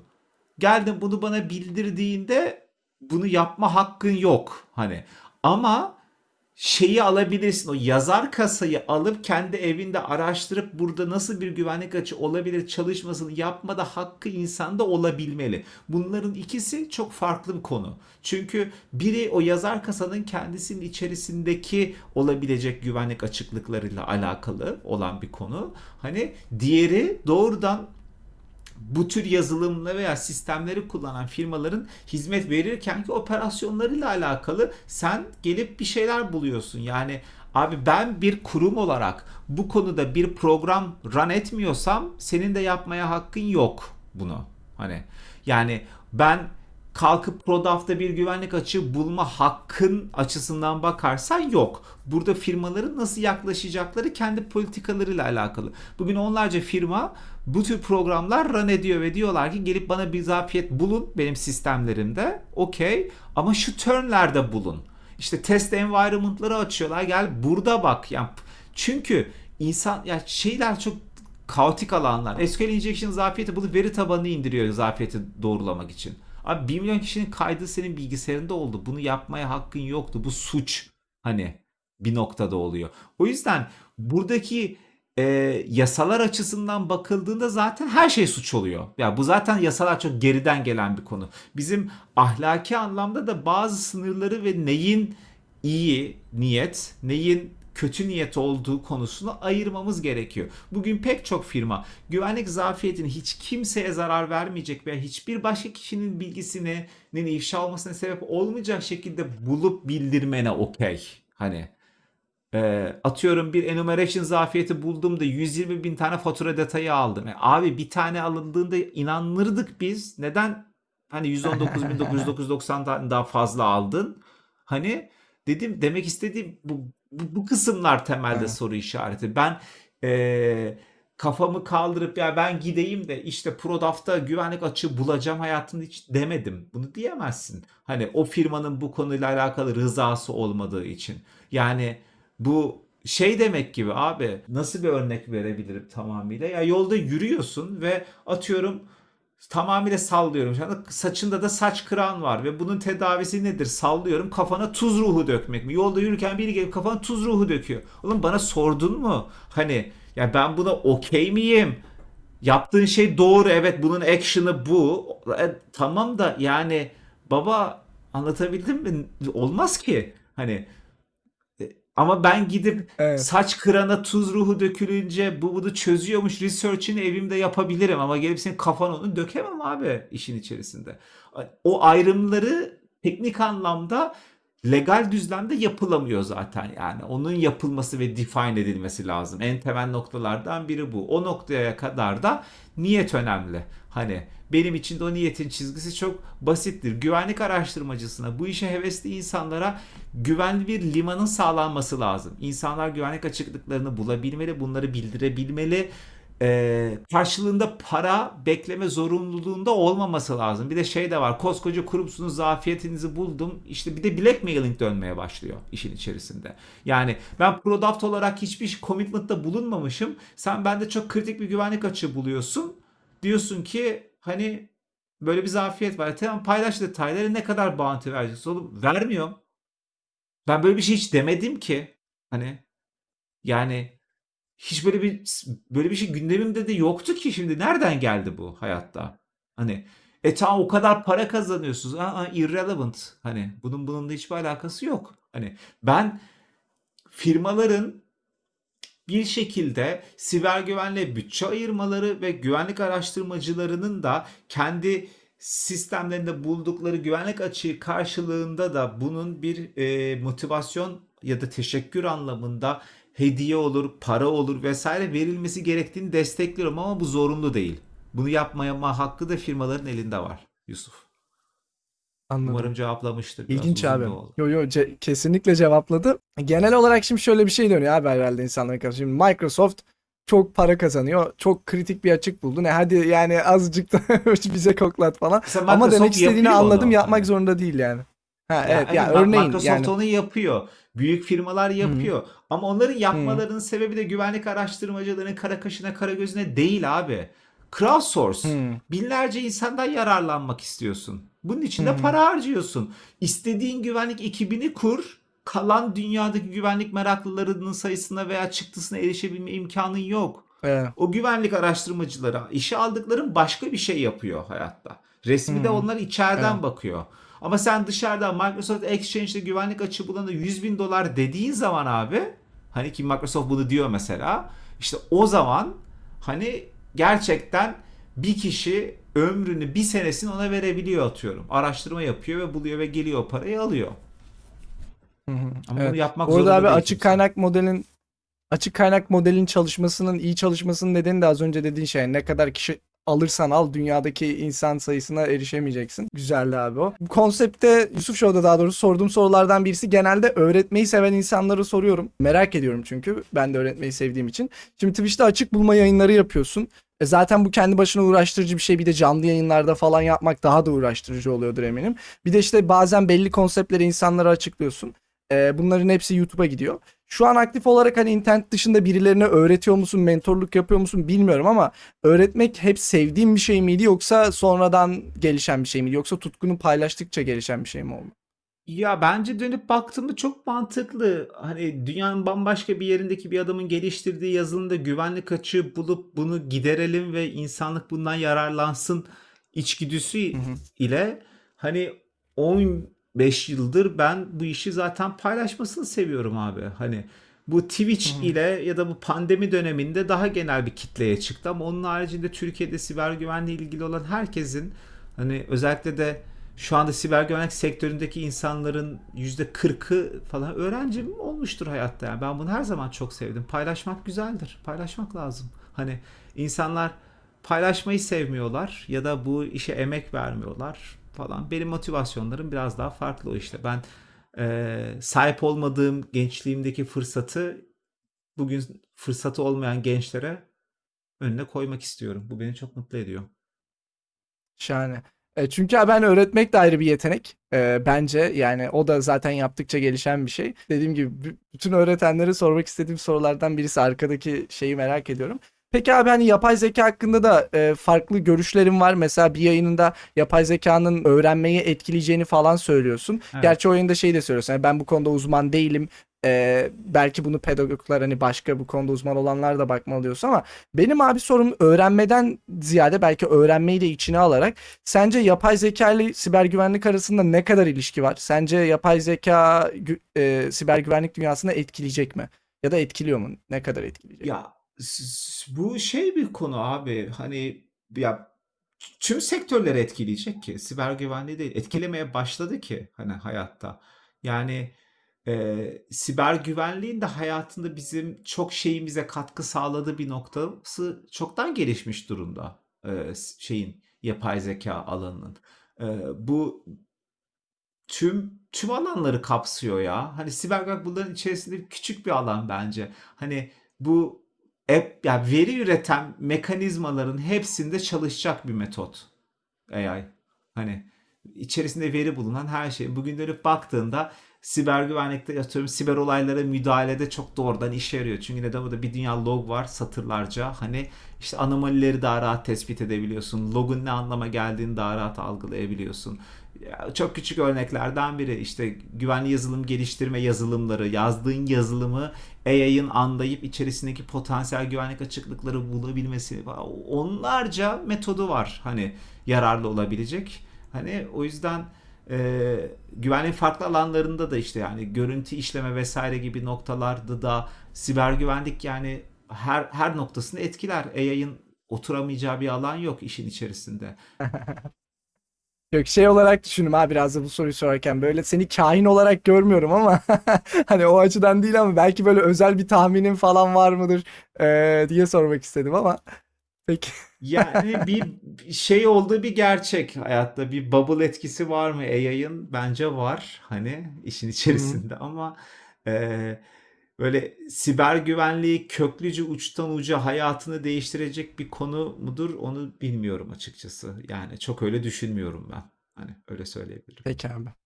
Zamanla keşfedeceğiz. Belki bir bölüm daha olursa bir bölüm daha yaparsak bir eee, ilerleyen senelerde belki biraz Hatta daha belki detaylı soruların bir kısmını ikinci bir başka bir bölüme koymakta fayda var. Ne kadar Eee, daha soru kaldı bilmiyorum ama dört sorum var. tamam birazcık e, hızlandır.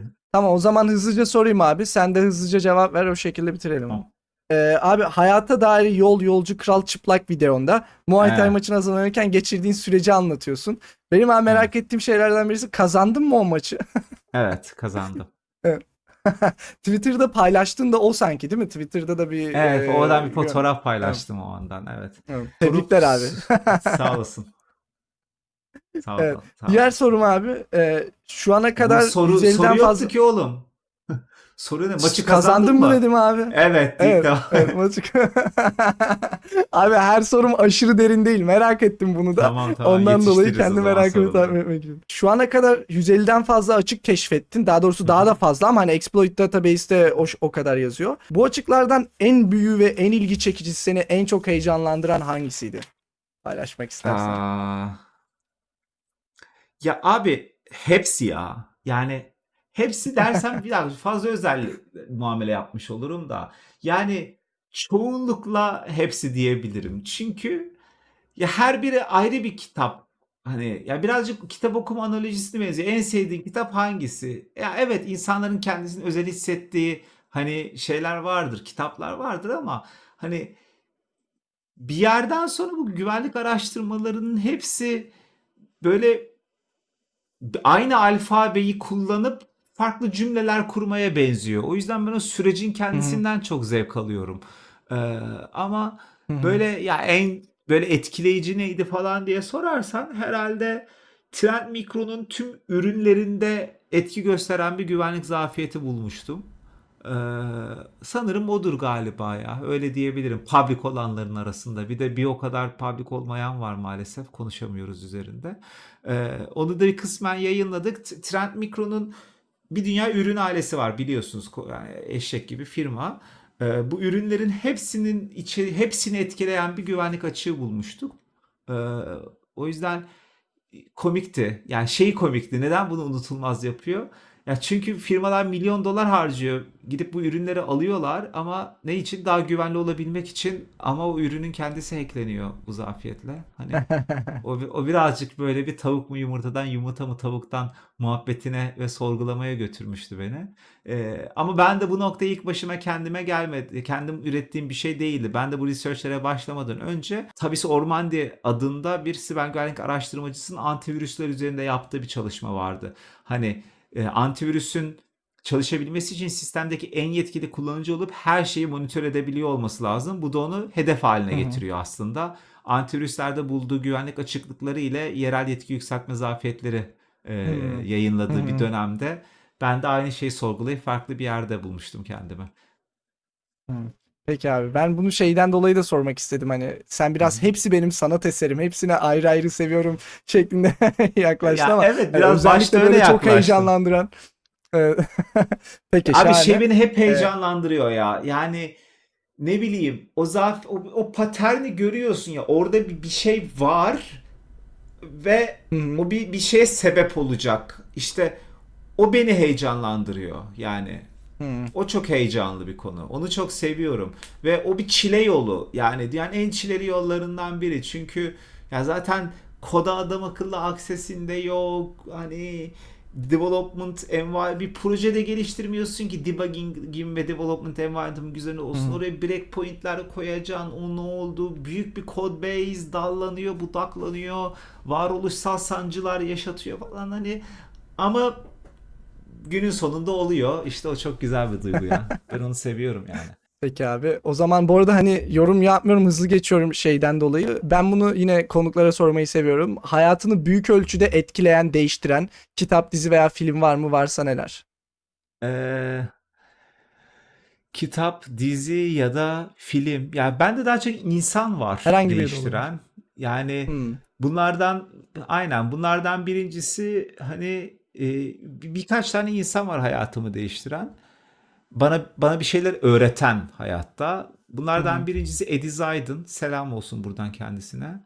Hani e, ondan hayatta çok şey öğrendim. Hiç siber güvenlikle alakalı değil bu arada bunlar. Yani yanlış anlaşılmasın. Siber güvenlikle alakalı hı. maalesef hiç hocam olmadı benim hayatta. İçimdeki en büyük ukdelerden biridir. Hani eee, ikincisi sanırım Ayşe Bilge. E, Üçüncüsü de Koryak diyebilirim. İş yerinden yakın dostum. Bu insanlar benim hayatımda bana çok şey öğrettiler. Çok şey değiştirdiler bende. Hani eee, şey açısından şanslıyım. Böyle çevrende sana gerçekten bir şekilde ilham olan hani ve bir de acımasızca dürüst olabilen insanların olması gerektiğini düşünüyorum yani hani ki Evet. kendimizi kandırmayalım. O yüzden eee, bu insanların adını anmaktan mutlu olurum. Şahane abi. Ee, ne derler? Bu arada siber güvenlik değil deyince hayat sadece siber Değil hayat tabii sadece siber ya. güvenlikle alakalı değil. Evet. Abi değil yani Ee, ben bugün mesela dönsem 15 yaşıma siber güvenlik mi yaparım bilmiyorum yani hani çok seviyorum falan da belki tabii Muay diğer Thai. yandan ya Muay Thai acı dolu canın yanıyor yani eh, bilmem onu da çok seviyorum hayattaki en büyük tutkularımdan biri hani ama dediğim gibi nasip Peki abi. next O zaman benim son sorum internette içerik üreten birisi olarak yani bizi izleyen ve yani sonuç olarak senin bir sürü farklı alanın var ama birisi de internette içerik üretiyorsun ve evet bütün içerik üreticilerin karşılaştığı sorunlardan birisi hani bi- bilen bilmeyen herkes gelip bir şeyler yazıyor. Bazen böyle yıkıcı hani sırf seni e, yıkmak için yazılan şeyler de oluyor ve özellikle yeni başlayanların en çok karşılaştığı sorunlardan birisi bu. E, bununla başa çıkamıyorlar. Muhtemelen sen hayatının orta döneminde falan sonrasında başladığın için belki seni çok etkilememiş olabilir ama e, umurunda oluyor mu ya da nasıl başa çıkıyorsun bu tarz şeylerle? Yani gelecekte içerik üreticisi olmak isteyen kişilere nasıl bir tavsiye verirsin? Ya şimdi ben bir içerik üreticisi kısmen evet yani bir içerik üretiyorum doğru ama e, yani benim yola çıktığım yer farklı olduğu için daha beni etkilem ya mesela YouTube'da benim kanalın takipçi sayısını bile bilmiyorum. Özen de göstermiyorum ben. Aynen. Özen de göstermiyorum. Hani Twitch'te canlı yayınları e, yapıyorum ki insanlarla interaktif olup bir şeyler öğretmekten keyif alıyorum. İki bir de herkes bir şey böyle hazırlıklı gelir eder. Ben insanlara ne kadar şey bilemediğimi öğretmekle. Yani benim tek derdim insanlara ne kadar çok şey bilmediğimi göstermek. O yüzden de özellikle son iki aydır, şey iki yıldır vesaire hani canlı CTF'lere giriyorum. Hakkında hiçbir fikrim olmayan şeylere canlı yayında pataküte 6 saat kan çıkıyor. Hani yani ben bir içerik üreticisinden birazcık daha farklı yaklaşıyorum ama bunun da alıcısı varmış hayatta. Onu bilmiyordum yani hani hani ben ekrana boş boş bakıp kodu anlamaya çalışırken ve sesli düşünürken 500 kişi canlı izliyor mesela. Anlamıyorum hani. Anlatabildim mi? Niye? Çete soruyorum. Evet. kaç kişi anladı diye. Anlamayanlar yazsın diyorum. Yarısı yazıyor. Niye buradasınız? Biz de bilmiyoruz abi. Ama sardı diyorlar. Hani değişik bir şey yaşanıyor. O yüzden ben hani YouTube'da thumbnail'ı koymuşum ne thumbnail'ı thumbnail'ı otomatik çıkarıyor bir şey hep birinciyi seçiyorum mesela tamam mı hani Hmm. Twitch'te video editörden videoya başladığım yer eğitimin başlanan yeri ve bittiği yere marker koyuyorum onu da ben unutuyorum chatten söylüyorlar yayında sonra oraları kesip Export to YouTube devam. Bir daha da yok. Son bir iki videoyu editlemek zorunda kaldım. 8 saat sürdü yayın. Toplamda aralarda Hı hı. çok alakasız kısımları kesmem gerekti. Onu da iMovie'de yapıyorum işte. Seçiyorum buraları. Yaparken de sövüyorum ben bununla mı uğraşacağım şimdi falan diye. Hani ben çok bir içerik üreticisi noktasında görmüyorum o açıdan kendimi. Klasik bir YouTuber dünyası açısından söylediğimde ben öyle görmediğim için kendimi aşağıya da kimin ne yazdığı gram umurumda olmuyor. Hani yani Evet. iyi yani bir de çok basit sığındığım bir yer var. Gel baba kendin yap biz senden dinleyelim ya. Hani benim bunu birine söylememe de ihtiyacım yok. Kendi içimde Evet. hissettiğim bu. Daha iyisi de ne güzel bak. Hani bizim gençlere bir şey izleyecek içerik daha çıkmış olur. Ne tatlı diyorum yani. O yüzden hani bir bir derdim yok o açıdan. O yüzden benim kafam çok rahat. Bazen gülüyorum YouTube'daki hani yorumların altında yapılan şeylere. Ekşi Sözlük'te bazı bir iki bir şeyler yazılmış. Çok pozitif şeyler var. Mesela Ekşi Sözlük'te hakkımda o kadar pozitif bir yorum olması beni şaşırtıyor. O kadar dediğim 6 tane ama mesela ilginç. Nasıl yani oldu bu? Mesela mümkün değil. Hani birisi yazmış. Ek sözlükte Gayet 6 haklı. tane pozitif yorum muazzammış Evet. abi. Genelde herkes Evet. negatif olduğu için orada. Ve inanılmaz ben anlamadım. Evet. Ne- Neden itin bir tarafına sokulmadım daha bilmiyorum. Heyecanla bekliyorum. Ee, şeylerde çok kendimi şey yaptım. Mesela işte sonra tanıştık ettik çok da tatlı insanlar bu işte işte Orkun e, işte Burak vesaire YouTube'daki içerik üreten arkadaşlar onlarla bir iki video yapıp Türkiye siber güvenliği anlatmak üzere bir şeylerde bulunmuştum. Onun altındaki Hı. yorumları okuyorum. Abi yüzünü gösteren hacker mı olur yazmış çocuk yani hani Şimdi ne diyebilirsin ki yani oradaki derdi anlamayan bir insan ya da biri şey yazmış yani o kadar büyük hackersan Tesla'yı hackle. Oğlum Tesla.com'un teşekkürler sayfasında adım yazıyor benim ya. Hani yani Tesla'yı hacklediğim için Şimdi olmaz ki. Hani anlatabiliyor muyum? Anlatamam insanlara. Ben bıraktım yani o yüzden hani şeyim yok. Ee, böyle şeyi anlamıyorum mesela hani iyi- mesela şimdi konuşurken de kaç takipçisi var kanalın 20 bin mi neydi en son 28 bin galiba. 28.700 kişi takip ediyor mesela tamam mı hani aşağıda SQL Injection'ı 86 bin kişi izlemiş manyaklık bunu anlamıyorum ama mesela şeyi ben anladım mesela siber güvenlik uzmanı hacker simülatörü oynarsa diye bir hikaye var. Bana çocuklar hacker simülatörü kurdurdular. Öyle bir oyun varmış. Abi bunu mesela 50 bin kişi izlemiş. Ya şeyi anlıyorum. Title, thumbnail, clickbait. Böyle olması lazım. Konunun rakamlara gitmesi için de bana rakam ne, ne önemi var ki? Burayı izleyen bir 300 kişi çok güzel bilgi öğrendiyse yeter bana bir gün göçüp gideceğiz o günde işte geriye bunlar kalır insanlar izler daha ne olacak yani. Böyle bakan bir adama hani istediğin toksik yorum yazabilirsin yani. Çok toksik yazarsa da siktir git diye cevap yazıyorum hesabımın altına. Ne olacak ki? Yani sanki sövmüyoruz insanlara ya. Hani anladın mı? Çok hak ettiyse Evet. hani yazıyorum ya.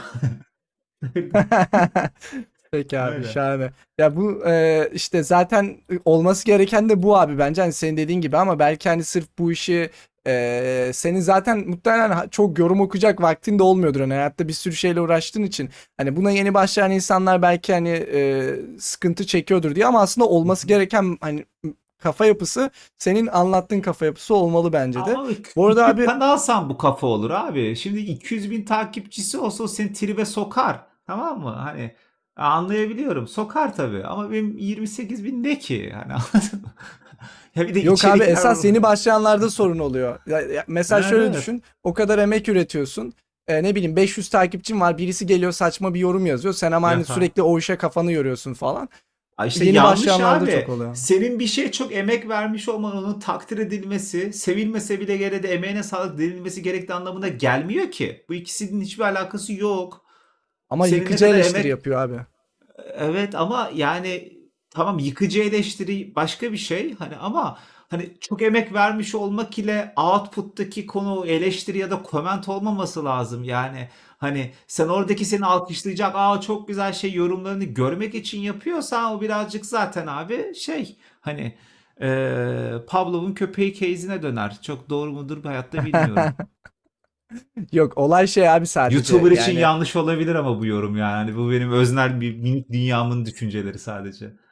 Yo yo dediğinde haklısın. Zaten önemli olan senin o işten keyif alarak onu yapman. İlla birileri övecek diye yapman değil de. Şöyle abi internette bilmiyorum ya, sen genelde denk geliyor musun? Yani herhangi bir insanın yorumlar kısmına gelirsen hani sırf laf olsun diye karşı tarafı öldürmek için yapılan yorumlar var. Yani sırf seni kötü etkilemek için yapılan yorumlar var. Senin iyiliğin için ya da Evet. herhangi birisinin iyiliği için değil.